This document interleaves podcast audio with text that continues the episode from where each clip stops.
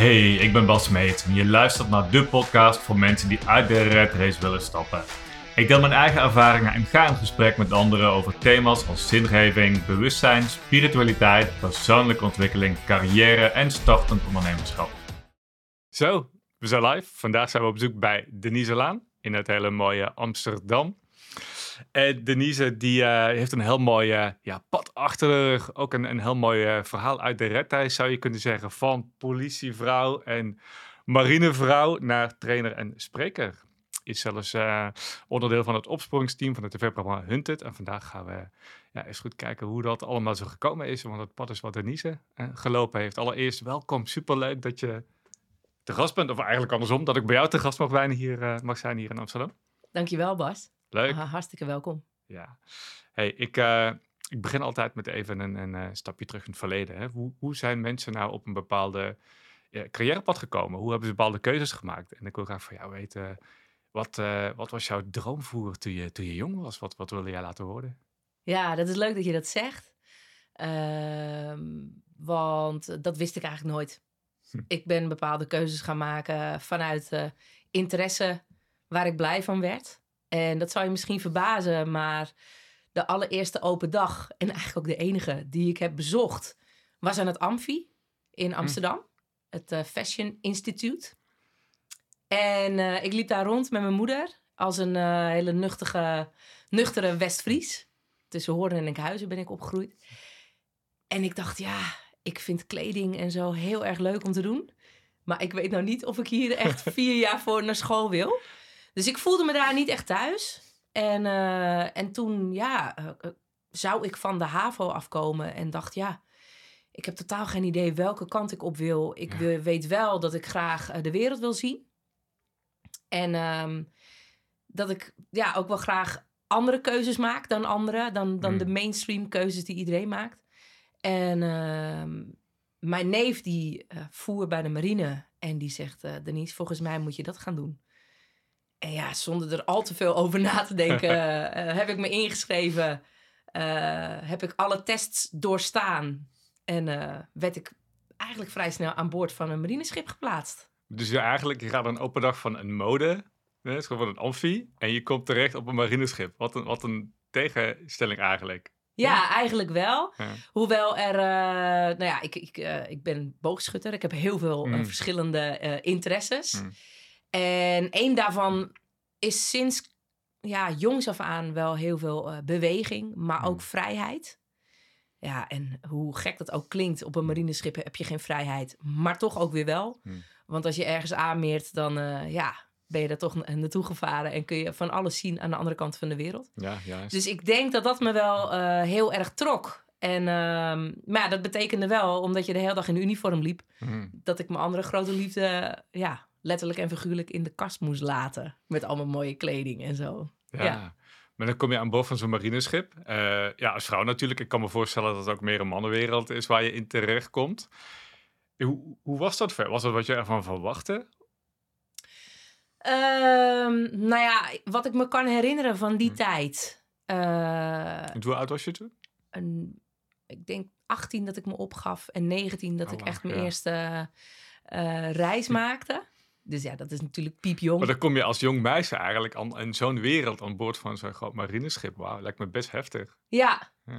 ja, en toch kan ik me niet echt heel erg um, uh, herinneren dat ik me daar... Um, ik deed eigenlijk een beetje mijn ding, zonder mm. dat ik uh, ergens over nadacht. Dat klinkt heel kortzichtig. Mm. Maar dat levert eigenlijk tegelijkertijd ook heel veel vrijheid op. Dat je niet te veel nadenkt over uh, wat vinden anderen van mijn keuze? Uh, wat brengt dit me over vijf of zes jaar? Precies, ja. Ik dacht uh, alleen maar, ja, ik wil dit nu doen. En over vier jaar, omdat ik, ik, ik tekende voor een kort verband. Dus dat is echt vier jaar. En mijn intentie was ook niet om carrière te maken bij de marine. Ik wilde gewoon een hele leuke tijd hebben. Ja. En ik ben eigenlijk wel blij dat ik daar uh, zo open en, en als mezelf in, in, ja, in stond en in ben gegaan. En ja, aan, aan boord uh, ja, raakte ik in gesprek met collega's. Uh, kun je het met de ene heel goed vinden en met de ander niet. En uh, ja, zo, zo bleef dat een beetje doorgaan. Maar ik, ik kan me wel heel erg herinneren dat ik mijn eigen ding vooral deed. Ja. Ik kan me ook wel voorstellen dat het toch wel een gevoel van vrijheid oplevert. Want je hebt natuurlijk niks ja, je bent daar gewoon aan boord. Je hoeft je geen zorgen te maken over andere dingen in het leven. Je hoeft nergens naartoe, thuis, planning.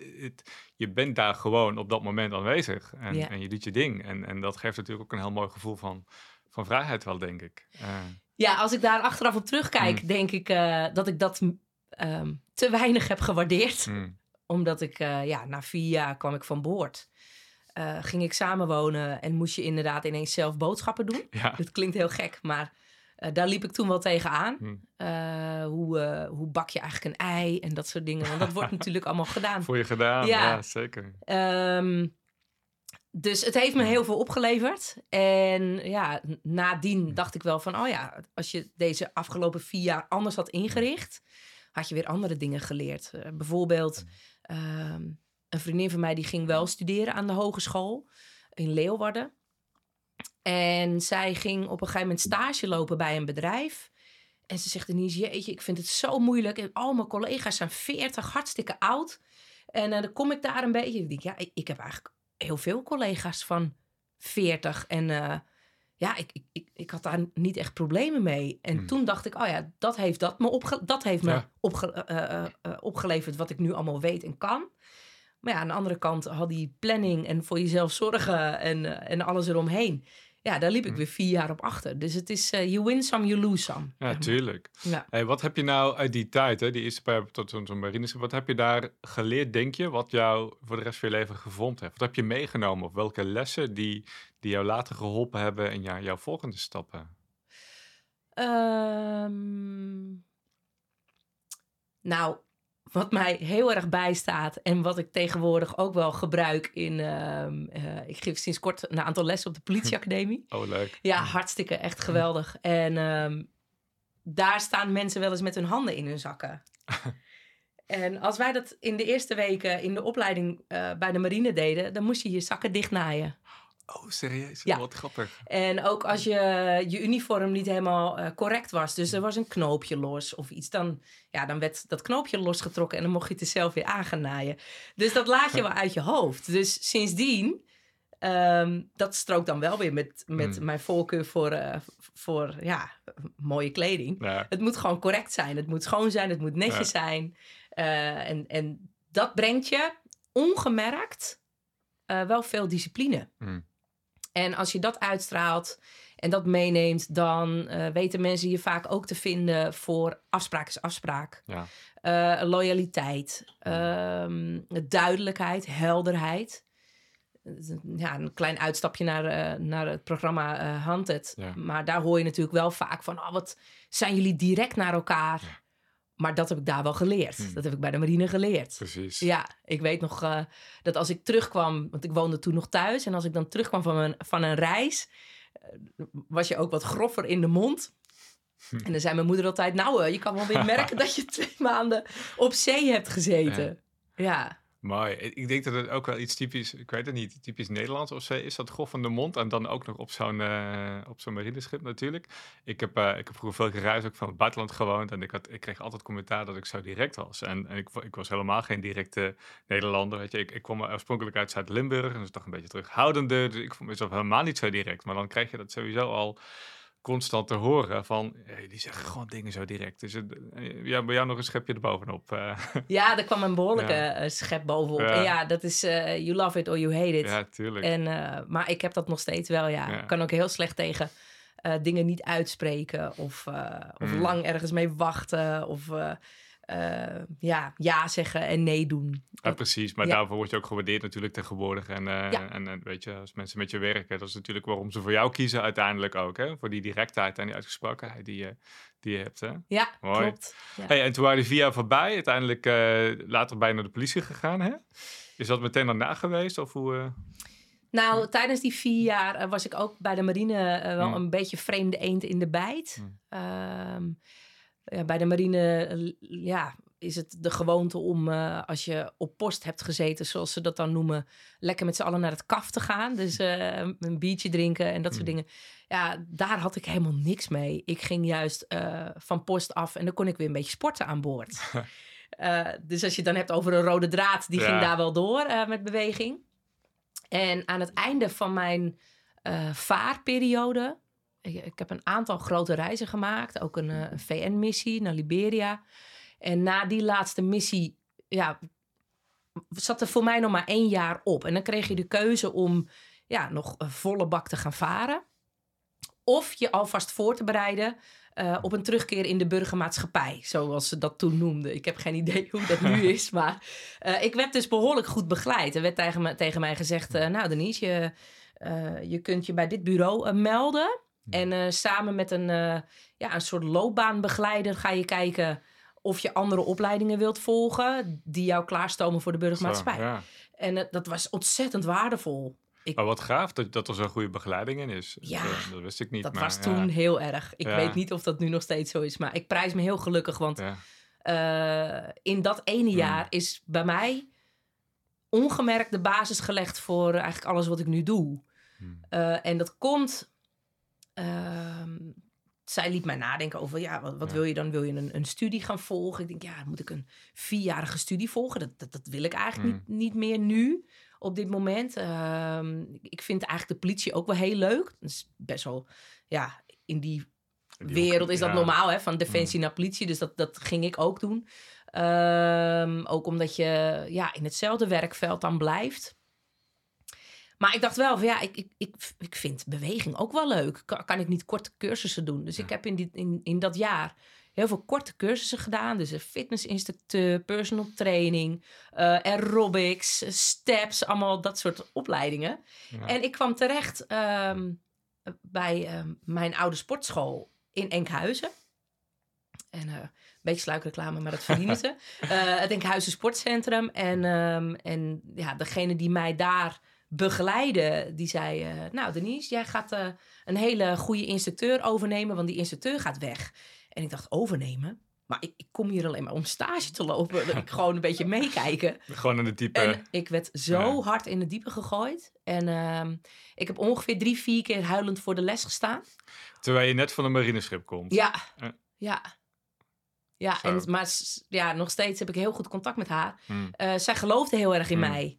En, uh, en daar ben ik er eeuwig dankbaar voor. Hmm. Want ja, ze zette me voor de klas neer.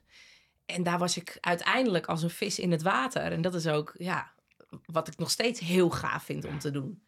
Dus, uh, dus in dat jaar heb ik uh, heel veel ervaring opgedaan. En ben ik naar de politie gegaan. Maar tegelijkertijd, toen ik bij de politie werkte, gaf ik altijd les in verschillende sportscholen. Ook toen ik naar Amsterdam verhuisde. Mm. Nou, dat bleek wel een, even een andere wereld dan Enkhuizen te zijn qua sportschoolmentaliteit. Wat was er zo anders aan? Ja, ik kan me goed voorstellen hoor, maar... Ja, wat kun je je voorstellen? Nou ja, ik, Enk, ik weet Enkhuizen of Amsterdam. Nou, lijkt me Amsterdam dat het nog wat van me veel directer, wat harder is of zo, weet je? Dat uh, wat meer uh, power erin. Ontzettend. Ja. Echt, ik... ik uh, toen ik hier kwam wonen, ben ik met um, mijn cv op een A4'tje langs allerlei sportscholen gegaan. Heb ik achtergelaten zo. En bij de allerlaatste, dat was Squash City echt midden in het centrum, een heel groot gebouw. En het hm. lijkt dan alsof er alleen maar squash gegeven wordt. Maar hm. zij waren, wat ik toen niet wist, de uh, uh, ja, sportschool voor aerobics en steps. En uh, nou, daar gebeurde eigenlijk hetzelfde als in Enkhuizen. Er ging een instructeur weg en ik moest na 25 jaar haar positie overnemen.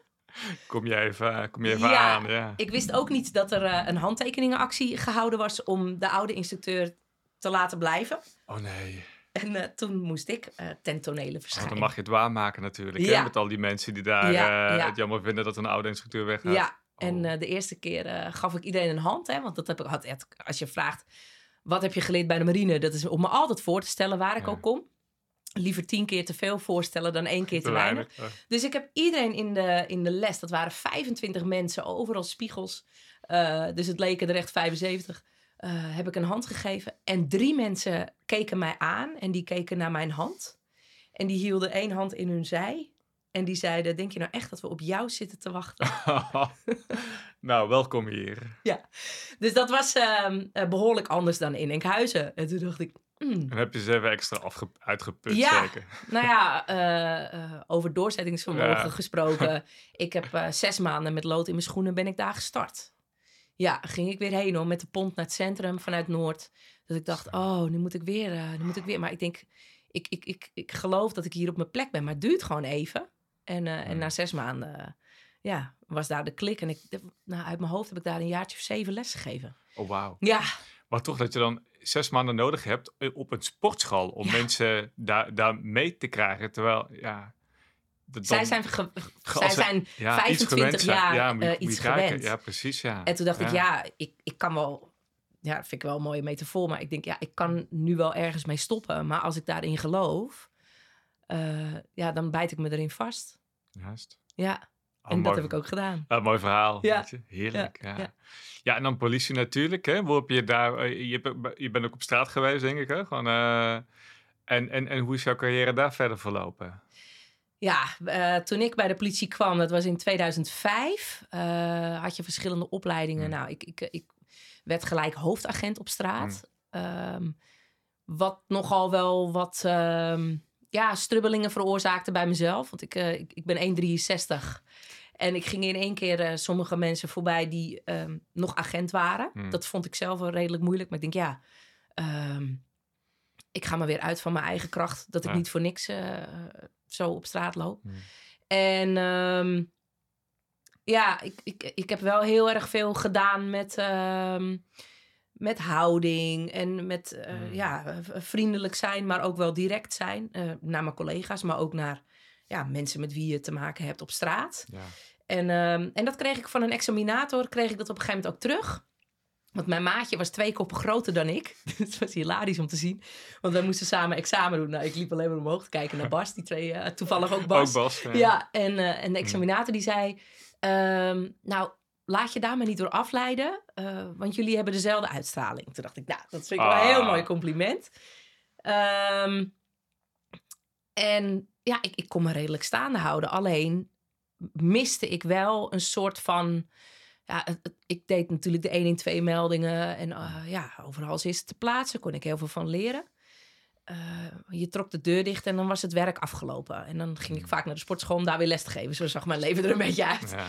En, ehm, en dat hielp mij fit. En ik, ik, ik merkte dat ik ehm, steeds meer interesse begon te krijgen in hoe blijf je nou fit. Hmm. Ook met onregelmatig werk. Dan werden collega's ziek. Dat wilde ik zelf natuurlijk niet. Ehm, hè, wat kan gezond eten eigenlijk voor je doen? Want ik, ik at helemaal niet gezond in die tijd. Ik snoepte echt ontzettend veel. Eh, maar als je niet dik ervan wordt, dan was ook de noodzaak daar niet echt om daar Nee, iets aan te doen. Ehm, maar ik merkte wel, ja, als ik nu een nachtdienst heb en daar ga ik heel veel in snoepen, dan ben ik echt niks waard. Dus, eh, dus ja, ik dacht, daar is veel meer in te halen. En ook in te brengen. Want als ik dingen weet, kan ik dat misschien wel weer overbrengen. Ja. En, ehm, en net op dat punt dat ik dacht, wat wil ik nu gaan doen eh, bij de politie? Toen ehm, had ik een, eh, een opleidingsdag eh, als biker. Ik was ook biker, dus dat betekent het mountainbike politie. ja. En het, eh, daar moest je bepaalde technieken ook voor doen. Dus dan had je één keer in de tijd, eh, één keer in de zoveel tijd een, een bijscholingsdag. En ik weet nog goed, die dag had ik een, een trainingsjasje aan van de sportschool in Enkhuizen. Hmm. En daar stond op instructor op mijn rug. En eh, mijn IBT-docent, integrale beroepsvaardigheidstechnieken, die vraagt aan mij, instructor, waar ben jij instructor van? Nou, ik zeg, ik ben instructeur op sportscholen. En hij zegt, oh, dat is wel mooi, want wij zoeken een eh, collega in ons team die, eh, ja, die een, een, een soort stage wil lopen om te kijken of het wat voor hem of haar is. Ik zeg, nou, dat heb ik wel oren naar, dat lijkt me wel heel leuk. En ehm, dat ben ik een jaar gaan doen. Eén keer in de week wel hoor. Daarnaast had ik gewoon mijn onregelmatige diensten. Maar eh, dat wekte wel mijn interesse voor groepen staan. Ik merkte dat ze ja, toch naar me luisterden. Hoewel ik ook een jaartje of 24 was toen. Dus dat vond ik echt eh, heel cool om te doen. Ehm, en vanuit daar is er een programma ehm, opgezet. Ja, om politiecollega's beter om te leren gaan met eh, PTSS, maar dan met name aan de voorzijde. Dus hoe kun je ervoor zorgen dat je mentaal fit blijft en ook fysiek fit blijft. En ehm, ja, toen dat programma werd opgezet, ben ik er eigenlijk een beetje zo in het eerste uur bijgekomen. En eh, toen werd het mijn volledige eh, taak om, om trainingen op dat gebied te geven van mentale en fysieke kracht. Ja. En ik, ja, ik mocht gelukkig bij de politie allerlei opleidingen doen om, eh, om dat eh, te kunnen doen en om die kennis op te zuigen. En het echt helemaal fantastisch. En dat wilde ik graag bij de politie blijven doen. Uh, maar ja, daarnaast ging ik zelf ook mijn, mijn eigen coachingsbureau starten. En bij de politie was het, was het zo dat ik uh, ja, eigenlijk weer terug de straat op moest na Hmm. een bepaalde tijd. En toen dacht ik, Oké, maar wacht even. Ja. Ehm, eh, ik heb heel veel in mezelf geïnvesteerd. Ik ga nu een kant op eh, die ik echt heel graag wil. En als ik me nu een andere kant op laat duwen, vind ik ook altijd dat je dat, hè, je laat je duwen. Je wordt niet geduwd, maar je laat je duwen. Juist. Ehm, ja, dat voelt voor mij niet oké. En ik weet nog goed dat mijn chef zei: Ja, Denise, ehm, ja, je moet toch terug. Ik zei: Nou, ik Moet. moet Ja. niks. Ehm, jawel, je, je moet terug. Ik zei: Ja, maar dan, dan Hm. zit er voor mij maar één ding op. Ja. En, en dat is mijn eigen pad gaan volgen. Dus toen heb ik eh, ja, op de knop gedrukt en mijn ontslagbrief ingediend. Dat vond ik echt hartstikke spannend. Eh, maar op de een of andere manier viel het toen ook echt een hele last van mijn schouders af. Want ik dacht, ja, Ja. er ontstaat nu zoveel tijd en ruimte. Ik Precies. kan precies doen wat ik wil. Maar dit vind ik mooi. Het is een mooi verhaal. Als ik het goed luister, zijn altijd eigenlijk dezelfde dingen die terugkomen in je leven. En die uiteindelijk gewoon bij elkaar komen. Hè? Dat is een stukje sport natuurlijk, wat altijd weer terugkomt. Ja. En dan, dan, zit je wel, dan, dan heb je wel een baan. Maar wat, wat, is het leukste? Al- Alles wat te maken heeft met sport, met voeding, gezondheid, weet je, dat, dat, soort dingen. Ja. En dan ook die discipline is natuurlijk zo'n zo'n woord wat ik een paar keer hoor. Hè? Dat eh, lekker. En dan dat stuk. eh, ja, voeding kwam net eh, en ook de mentale weerbaarheid noemde je. Dus eigenlijk al die dingen, die kwamen gewoon aan de loop van, van, je, van, je- van je. Zijn die gewoon naar boven komen drijven. En nu komen ze bij elkaar tot een punt dat je, zegt, dat je zegt van... joh, ja, dit, is wat ik echt wil, maar ik, ga- nu ga ik niet meer die straat op. Want dat is juist dat niet. Hè? Precies. En, en nu sta ik op het punt om, om dat voor mezelf te gaan doen. En ja, dat is mooi. Ik, ik kijk ook altijd bij mensen, wat zijn nou die, die, die twee, drie keywords, weet je, die, die altijd weer terugkomen Ja. in, je, in je leven. En wat, waar, waar, je, waar je echte passie ligt. En Ja. wat gebeurt als je die drie met elkaar combineert op het snijvlak van die drie? Wat kan er dan ontstaan? Ja. Ja, als je daarvoor durft te gaan kiezen en dat te gaan onderzoeken. Ja, dat durf te kiezen. Ja, ik, ik werd Mm. eigenlijk ja, voor mijn gevoel ook wel een beetje gedwongen. Omdat ze zeiden, je moet het uniform weer in. Ja. Eh, maar aan de andere kant denk ik, ja, dat had ik me ook kunnen laten gebeuren. Het was de veilige optie geweest waarschijnlijk. Ja, nou ja, heel veel mensen kiezen zeker. natuurlijk voor veilige Ja, opties. natuurlijk. En, en soms heb ja, ja, soms het is ook geen gemakkelijke keuze. Het ligt ook aan je persoonlijke situatie natuurlijk. Kijk, als je sowieso als je jonger bent, is het wat makkelijker dan wanneer je weet je, weet je, het ouder bent, dat allemaal financiële verantwoordelijkheden hebt of een hypotheek en wat dan ook. Hè, dan is het natuurlijk wat moeilijker om die keuze te maken. Ja. Maar, ja, maar dan nog, hè? Want maar hoe oud was jij toen jij dit ging doen en echt die knoop wil hakte?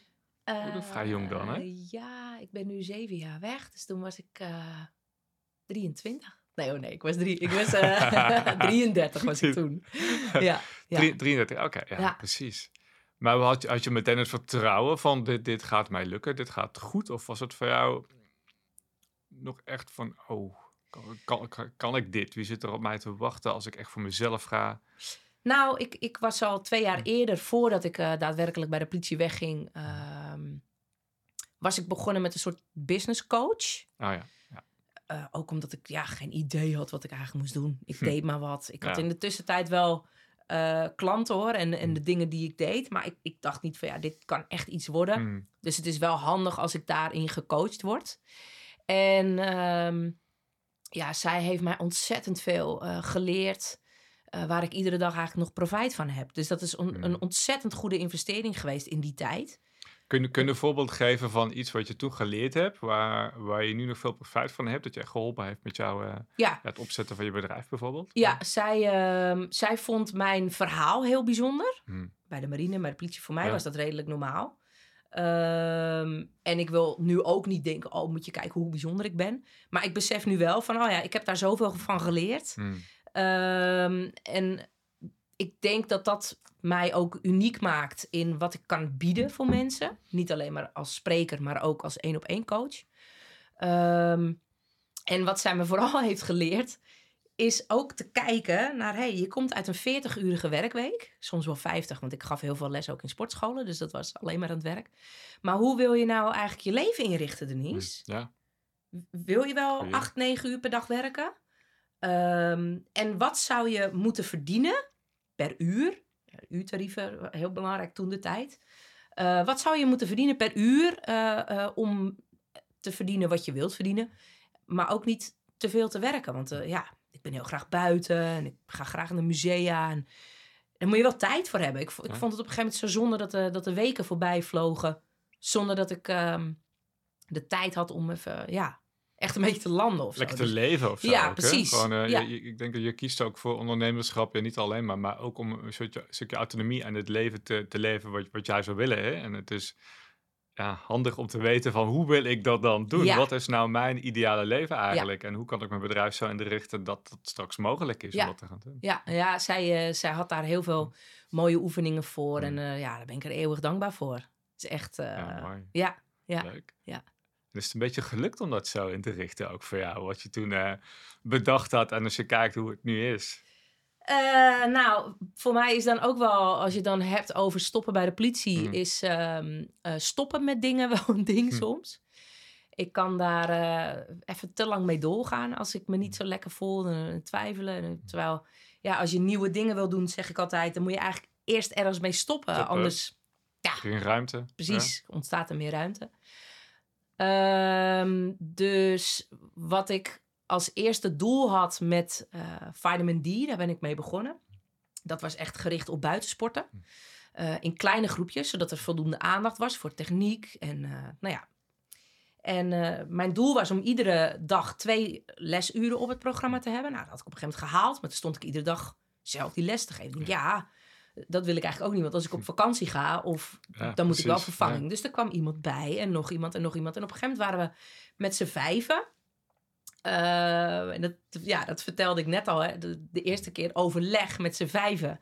Toen dacht ik, nou, gezellig zitten we dan. En iedereen kijkt mij aan. En toen dacht ik, ja. Ik denk, oh shit, nu moet ik natuurlijk eh, gaan vertellen wat we gaan doen. Want het is mijn Mm, business. En eh, toen ben ik wel gaan nadenken van, ja, wil ik het zo inrichten? Eh, krijg ik hier energie van? Eh, en toen kwam COVID. Ja. En dat was voor mij eigenlijk de perfecte eh, manier om het allemaal op een andere manier in te gaan richten. Dit hoor ik dus zo vaak van mensen. COVID was de manier om dingen anders te doen. Dat was de, het moment voor heel veel mensen om anders naar hun werk te gaan kijken. Om te stoppen met iets en iets Ja. heel anders te gaan ontdekken. Ja, want de- nou ja, als je het dan over noodzaak hebt, was dat wel in één keer de noodzaak. Wij konden redelijk door buiten. Maar je mocht op een gegeven moment nog maar eh, met drie mensen tegelijk buiten zijn. Dus de één op één sessies gingen wel door. Maar de groepstrainingen moesten? Ja. ermee stoppen. En eh, ik voelde me heel erg gevleid toen mensen op een gegeven moment zeiden... we mogen weer, Denise, gaan de lesuren weer starten. En toen dacht ik, nou, eigenlijk heb ik andere plannen. Maar toch gaan we dat nog even doen. Ja, en in dat... En in drie, drie, vier maanden, ik weet niet of mensen ernaar gaan luisteren die toen eh, bij ons trainen. Maar ja, ik heb me daar achteraf best wel over geschaamd. Omdat ik ehm, toen weer iets ben gaan starten waar ik niet echt volledig achter stond. Hmm. En eh, alles piepte en kraakte. Dus alles ging mis. En ik, ik, ja, ik, ik voelde gewoon dat mijn cliënten, die, die, die, ja, die voelden mijn aandacht niet meer. Dus die, ja, er gebeurde heel veel in drie, vier maanden tijd. En toen dacht ik ook, oké, eh, het is nu eh, oud en nieuw. Het is begin december, ga ik een mailing eruit gooien met van... hey, jongens, dit zijn andere opties voor wat jullie willen. Ja. Maar het kan helaas niet meer op de oude manier, eh, ja, die vitamin D aanbood. Vitamin D gaat op een andere manier verder.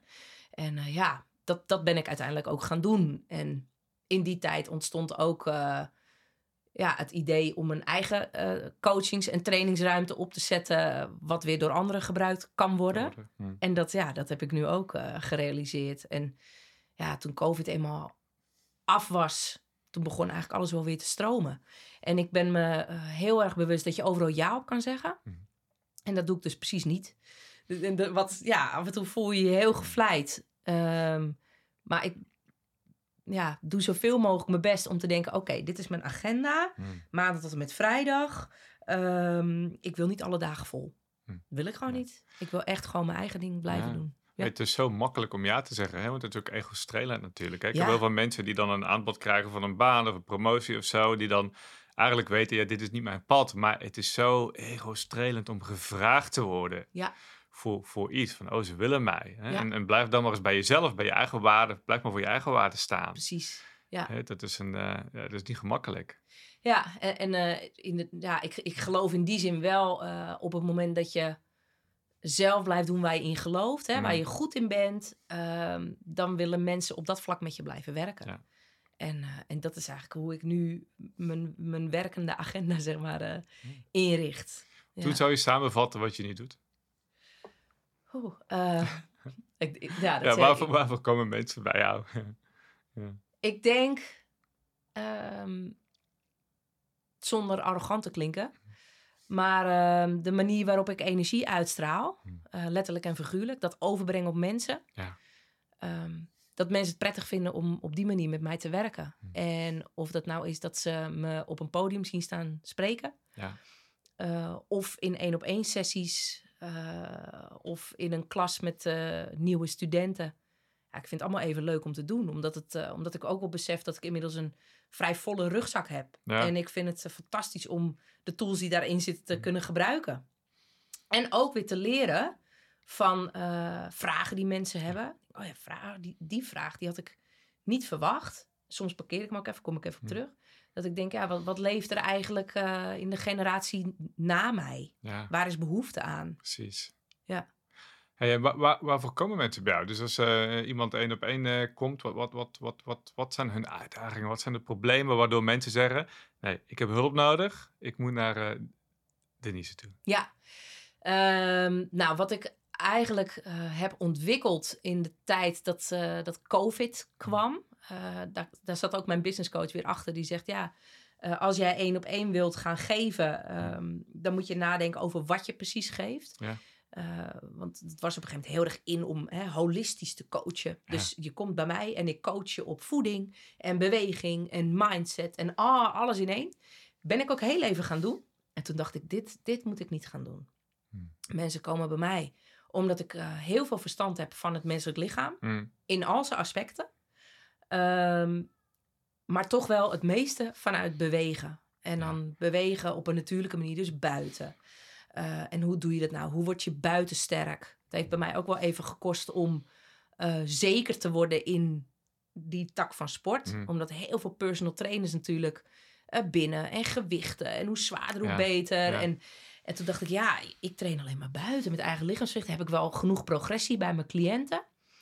En, maar dat was wel degelijk zo. Want in mijn sessies neem ik zoveel mogelijk beweging mee. Mhm. Alle aspecten daarvan. Um, en dan praat je over cluks. Dat is coördinatie, lenigheid, uithouding, kracht en snelheid. Alle facetten pak ik terug. Hmm. Minimaal één keer in de week. Ja. Soms eh, trainen mensen twee keer, soms drie keer. Ehm, en je ziet mensen dan langer over een bepaald traject doen. Want als je zegt, ja, ik wil sterke Hmm. biceps. En je gaat alleen maar op die bicep. Natuurlijk maak je die heel Ja. snel sterk. Maar dan blijft de rest van het lijf ja, achter. Ja. Ehm, en ja, waar ik mee kom is het, is het algehele plaatje van beweging. En dan af en toe een zijstapje naar mindset. Mm. En af en toe een zijstapje naar stress. Ja. En ja, wat stress met je doet. Mensen zien me vaak. "Oh, heb je haar weer met de stress? Eh, maar ja, ik heb zelf aan de lijve ondervonden Mm. wat het is om juist te veel te doen. Mm, En ehm, te weinig rust te pakken. En ook de cliënten die ik train. Ja, ik ben heel blij dat ze me nodig hebben in Mm. het beweegstuk. Maar ik zeg heel vaak, eh, ga ook eens investeren. Dezelfde tijd die je in met mij eh, investeert, ga het ook eens investeren in rust. ja. Dat komt er vaak niet van. Eh, maar ik blijf daar zo wel zoveel mogelijk op zeuren. Zitten, ja, Ja. logisch. Ja, mooi. die, die, dat bal- is, die combinatie natuurlijk van, Ja, ja. van allebei. Ja, ik zit zo, weet je, ik denk dat wa- waarom komen mensen bij een bepaald persoon terecht? Weet je, als je gaat kiezen voor iemand. En toen ik naar jou keek en oké, je website, ik, ik had een gevoel, oeh, er zit een beetje van. eh, nou, als ik met Denise aan de slag zou gaan, dan weet ik dat ik aangepakt word. Het is een gevoel van. Oeps, weet je, ik zou zo'n zo'n drill instructor gevoel heb ik dan van, dit is eigenlijk buiten mijn comfortzone. Ik weet dat ik een deel van mij dit niet zou willen, Mhm. maar het zou goed voor me zijn. Ja. En, en hè, natuurlijk je uitstraling die je hebt, best wel, je komt gewoon krachtig over. ja. En, en ik kan me voorstellen dat dat dan echt een, eh, dat, dat maakt jou dan, hè, dat is jouw positionering natuurlijk een beetje. Da daarom komen mensen denk ik bij jou. Ze komen niet omdat ze dan, eh, tenminste je bent heel aardig, maar ze komen volgens mij niet, niet voor lieve zachtaardige vrouw die een even, weet je, die- voor een gezellig, eh, een, een, een gezellig sportsessietje. Dus dat is mijn indruk die ik heb. Ja. En voor mij klopt dat wel een beetje, of niet? Dat, Nou, dat is wel leuk dat je dat zegt. Ja. Aan de ene kant klopt dat. Wat, ja, wat mijn cliënten... Ik heb in totaal heb ik vier cliënten. Hm. Vier. Zo. heel weinig. Ja, En eh, dat doe ik ook bewust. Ehm, omdat ik erachter ben gekomen dat mijn cliënten... ehm, heel veel behoefte hebben aan flexibiliteit. ja, Eén cliënt van mij die eh, vliegt de hele wereld rond. Ja, maar dan kies je gewoon de bepaalde doelgroep ook uit. hè? Ja, ja zeker. Maar ja. ja, ja hij ehm, laat zijn sessies inplannen Hmm. met mij ja, op de meest vreemde tijdstippen. Maar ik vind dat alleen maar fijn. Want hij woont ontzettend mooi. En op het moment dat ik daar ben geweest, Mhm. eh, ga ik het bos in en heb ik mijn eigen trainingssessie. Ah, ja. Maar die flexibiliteit ehm, ja, is voor mijn cliënten heel erg noodzakelijk. Hmm. En daarom eh, komen mensen bij mij. Dus het maken van afspraken, eh, loyaal zijn, trouw zijn, eh, ehm, direct zijn ook Ja. in die zin. Maar met name dat stukje flexibiliteit. Als ik, als ik tegen mensen ook zeg van ja, ik Hmm. heb maar vier cliënten. Dan denken ze, huh? Ja, maar ja, Maar dat, dat werkt voor beide partijen. Werkt dat heel Snap ik. fantastisch. Want ja, die man die zegt ook tegen mij... als jij eh 12 of 13 andere mensen ziet in een week... Ja. dan blijft er voor mij geen flexibiliteit over. precies. Ja. En toen hij dat zei, toen dacht ik... ja. dat ga ik in mijn oren knopen. Want dit is mijn USP. Dus ja, USP. Ik, Ja. ik heb ook heel vaak gehoord over mijn business coach, business vroeger. Mensen hebben of tijd of ze hebben geld. Ja. Het is al een, een van die twee. En, Ja. en juist die heel druk bezette mensen, joh, de, ze betalen gewoon voor flexibiliteit Ja, natuurlijk. En precies. Voor, eh, Ja, ja, ja. Mooi. Ja, Leuk. En, en, en nou, natuurlijk Hunted, hè, het, het tv-programma. Ehm, hoe, hoe ben je daar dan weer terecht gekomen? Hoe, hoe zijn ze op jou gekomen om je daarvoor te vragen? Ehm, nou, de, de, eigenlijk een beetje het hoofdpersonage, gezicht van de, van de hand, het eh, Marcel. Ehm, daar heb ik een heel kort tijdje, maar wel ja, zodanig intensief mee gewerkt. Hm. Ehm, dat op het moment dat, dat er iemand nodig was op een positie van eh, regisseur, Hm. eh, dat hij op een gegeven moment mij belde. Hm. En ook weer aan het begin van COVID. Dus eh, wat je zegt, weet je wel, andere dingen gaan doen. Dat was precies toen. Eh, en hij belde. Hij zegt, ja, eh, wil je niet meedoen met, eh, met de hand? Dat ik zeg, eh, ja, denk het. Ja, ik weet, weet niet, lijkt me wel leuk. Ehm, en het was ook heel leuk. Het was ontzettend nieuw. Het was Hmm. keihard werken, vond ik. Want ja, je zit drie weken lang in een bunker. En Ja. ik zit nooit binnen. Dus dat was voor mij enorm schakelen. Maar ook in, ehm, in de verschillende belangen die er zijn. Hè? Want we Mm. maken een televisieprogramma, maar we sporen ook mensen op. Dus ja, de- de- om, om, dat, eh, om die twee doelstellingen te halen... en op een zo goed mogelijke manier neer te zetten... Ja. ja, dat vergt wel heel veel eh, focus, maar ook weer flexibiliteit. Dus het, het- ja, het is voor mij één grote leerschool eh, geweest. En ik voel ja. me eigenlijk sinds afgelopen seizoen ehm, een beetje op mijn plek. Ja, Ja, ik vind, het, ik vind het ook altijd zo mooi. Kijk, zo'n programma, ik denk dat altijd, het moet natuurlijk wat je zegt, een combinatie zijn van, het moet ook goede tv worden. Ja. Hè? Dus hoe combineer je nou je echte, het opspoorwerk en hoe maak je het dan ook nog aantrekkelijk dat mensen naar willen kijken? Ja. Weet je, dat, dat, dat lijkt me echt een grote uitdaging. ja, ja, dat vond ik wel. En ik werkte samen natuurlijk met Selmar en met Sander en, en Jeroen. En die hadden allemaal... Nou, wat was het? Die waren al vijf jaar eh, op de buis. Dus die, Ja. die wisten alles wel. En ik, ja, ik kwam in die studio. Ik denk, pff, vind ik echt... eh, maar het, het, het, het feit dat... En, want dat mis ik soms wel. Hmm. Ik werk eh, eh, heel veel alleen. Ik heb een hele, hele lieve sidekick... die mij altijd helpt met een stukje planning... en de groepen die hier Hmm. komen om te trainen... onmisbaar is zij. Bedankt Marjan. Hm. Ehm, maar daarnaast heb ik geen collega's of, of team of waar ik in werk. En dat is één keer per jaar bij hand het wel het geval. Want je maakt met een team eh, maak je het succes. Ja. En dat, ja, dat, dat, is, dat is onbetaalbaar. Dat vind ik heel gaaf dat ik daar eh, onderdeel van uit mag maken. ja, snap ik heel Ja, goed. ja. Mooi hoor. Ja, Hey, ik zat even te denken, waar, hoe ga ik naartoe? Ja, ik, ik, ik werk dus heel veel met mensen hè, die zo'n carrière switch zitten. Of die, weet je, een goede carrière gehad hebben, weet je, thuis alles op orde. En dan die verandering maken naar iets voor zichzelf. En hetgene wat eh, mensen zijn meestal in eerste instantie op zoek naar hoe ga ik dan een bedrijf starten? Al de praktische dingen, hoe doe ik dat precies? Maar in de praktijk loopt het grootste deel niet daarop vast. Het grootste deel loopt vast op zichzelf. Mhm. hè? Uit een oude gewoonte stappen, ruimte maken. eh, uit je, uit je, je angsten om dingen te durven doen, om, om zichtbaar te zijn. eh, of gewoon tijdgebrek, moe, noem, noem het maar op. Er is altijd van alles van de hand, waardoor ze niet verder komen. En eh, de bereidheid om dan naar jezelf te gaan kijken en naar jezelf te werken, dat, dat is voor mij de factor die succes bepaalt. Uiteindelijk bij mensen. Ik zeg altijd, ja, je moet, word in de persoon die je wil zijn. En dan, dan komt het vanzelf. Hè? Of nou, vanzelf, maar je kunt niet iemand, eh, je kunt niet het succes halen van iemand die je niet bent. Nee. Hè? Je, moet het, eh, je moet het beleven, Ja. het geheel. Ja. Ehm, wel benieuwd naar jouw visie daarop, want voor mij komt daar ook dingen als gezondheid, goed voor jezelf zorgen, komt er ook allemaal bij kijken. Als je dat allemaal samenpakt met je, met je mindset, je stress had je het over. Hè, worden, ik zeg al, ja, worden wie je bent om te kunnen gaan doen wat, waar je voor bestemd bent. Hè? Ja. Hoe, eh, Ik vind eh, het woordje bereidheid, ben ik helemaal Ja. gek van. bereidheid, Ik heb, ja. ehm, toen ik vier maanden weg was bij de politie, ben ik de opleiding tot eh, ACT-trainer gaan doen. Oh, acceptance and Ja, commitment. ja, en mooi. dat was ook gewoon een life-changing event, die, Ja. die vier maanden. Eh, en daar, ja, daar kwam het woordje bereidheid ontzettend veel in naar Hmm. voren. En als je zegt, ik ben bereid eh, en ik, ja, ik ga dit doen ondanks eh, alle angsten die Dat, erbij komen. ja. Ja, en het woordje doen met Mm, name. Dus ja. niet alleen maar ehm, het uitspreken, maar ook daadwerkelijk die stappen gaan zetten. Ja. Ook al is het maar een mini-stapje. Ehm, ja, en als dat een keer fout gaat, dan, ja, dan ga je op je bek en dan sta je weer op. Ja. Maar het leven wordt zo saai als je dat niet, eh, als je gewoon je oude jas aanhoudt de hele Ja. tijd. Precies. Ja, ja. Ja. En ik heb ook wel het afgelopen, de afgelopen twee jaar ehm, drie begrafenissen meegemaakt. Of tenminste drie, Hmm. eh, drie eh, uitvaarten. En toen ik daar zat, dat waren drie vrouwen. En de een was heel jong, was net 60 volgens mij.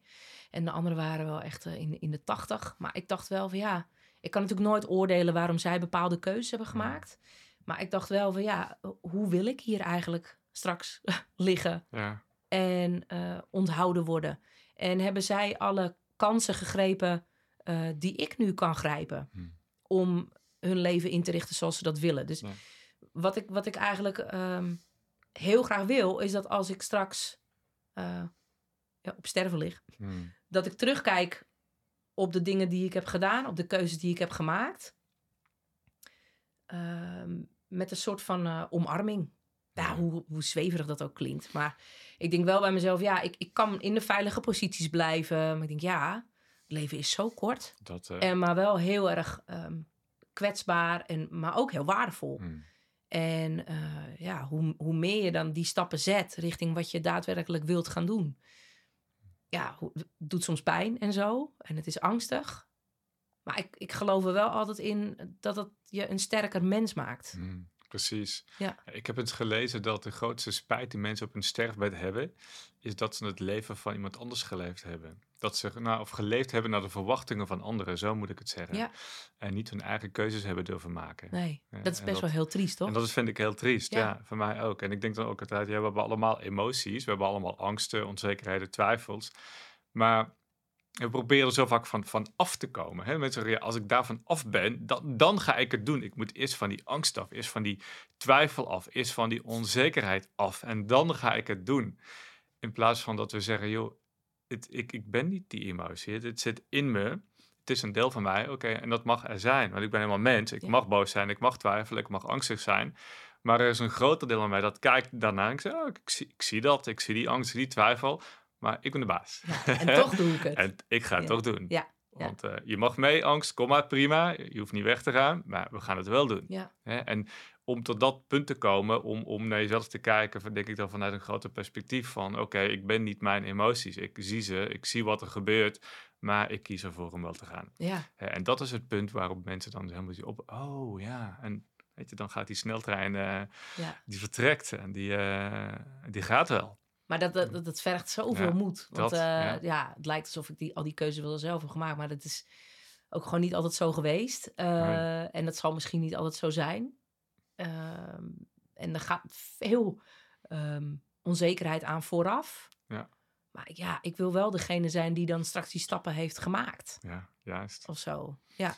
Dat, hè, je wil geen spijt hebben over wat, wat had, hoe het had kunnen zijn. Nee, Dat nee. het, en ook Ja. als je de dag afsluit, doe ik altijd met een stukje reflectie van ja, eh, Mm. hoe heb ik me gevoeld vandaag en waar Juist. kwam dat door? En eh, ja, wat kan ik morgen anders doen? Dat is een heel kort eh, reflectiemodel, maar Ja.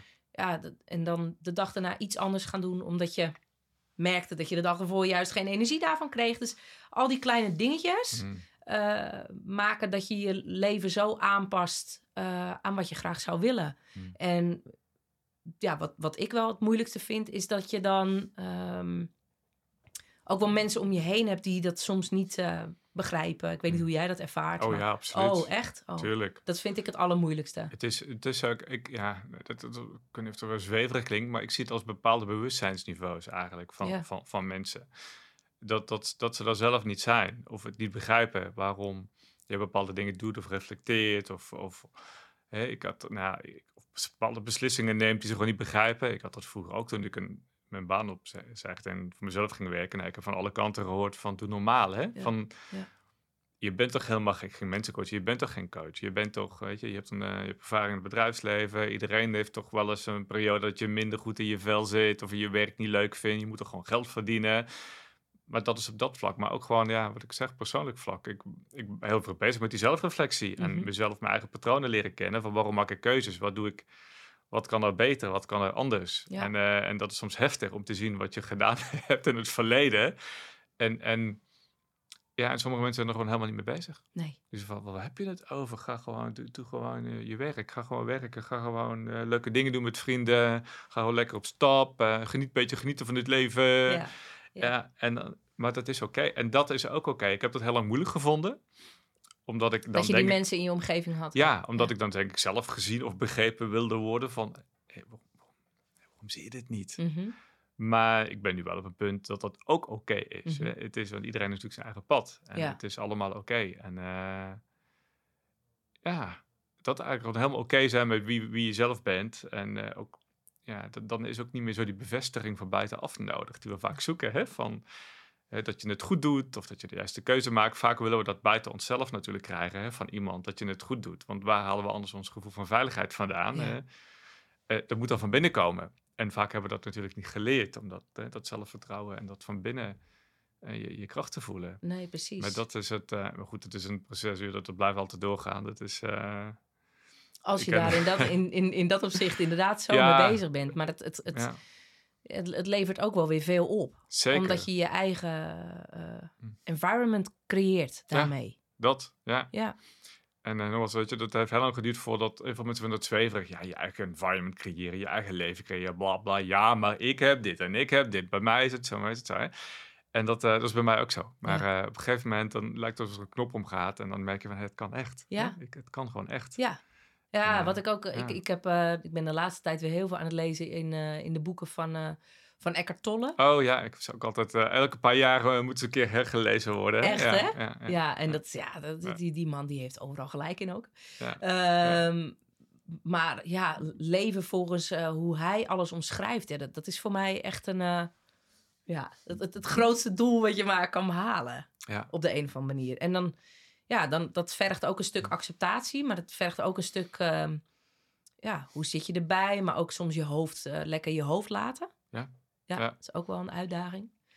En ehm, ja, maar, maar wel gewoon inderdaad de dingen blijven doen die je, die je wil doen. Dat zeker. En dat kan over een ja. jaar heel anders zijn. Ja, precies. En wat doe je daar dan mee? Dat is het. Ja. Ja. Voor mij is het heel erg een moment leven. Kijken en luisteren. Wat gebeurt er? Ja, Echt heel erg die awareness en bewustzijn van...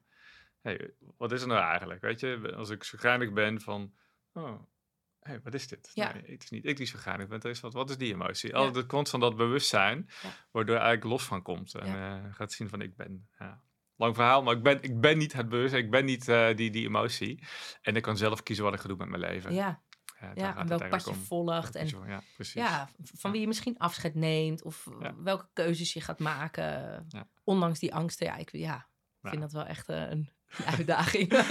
Dat is het Ja, ook, ja. ja. Maar een mooi thema, mooi. nou, Hey, Denise, even kijken. We gaan langzaam, eh, ja, we gaan langzaam afsluiten. Ik wil uh, ja, deze natuurlijk hartstikke bedanken voor het, uh, voor het hele mooie gesprek. nou jij bedankt. En uh, ja, waar kunnen mensen jou vinden? Als iemand luistert die zegt, joh, ik wil meer weten, over, meer weten over Denise Laan, waar kunnen ze naartoe? Nou, wat je zegt, deniselaan.com. .com.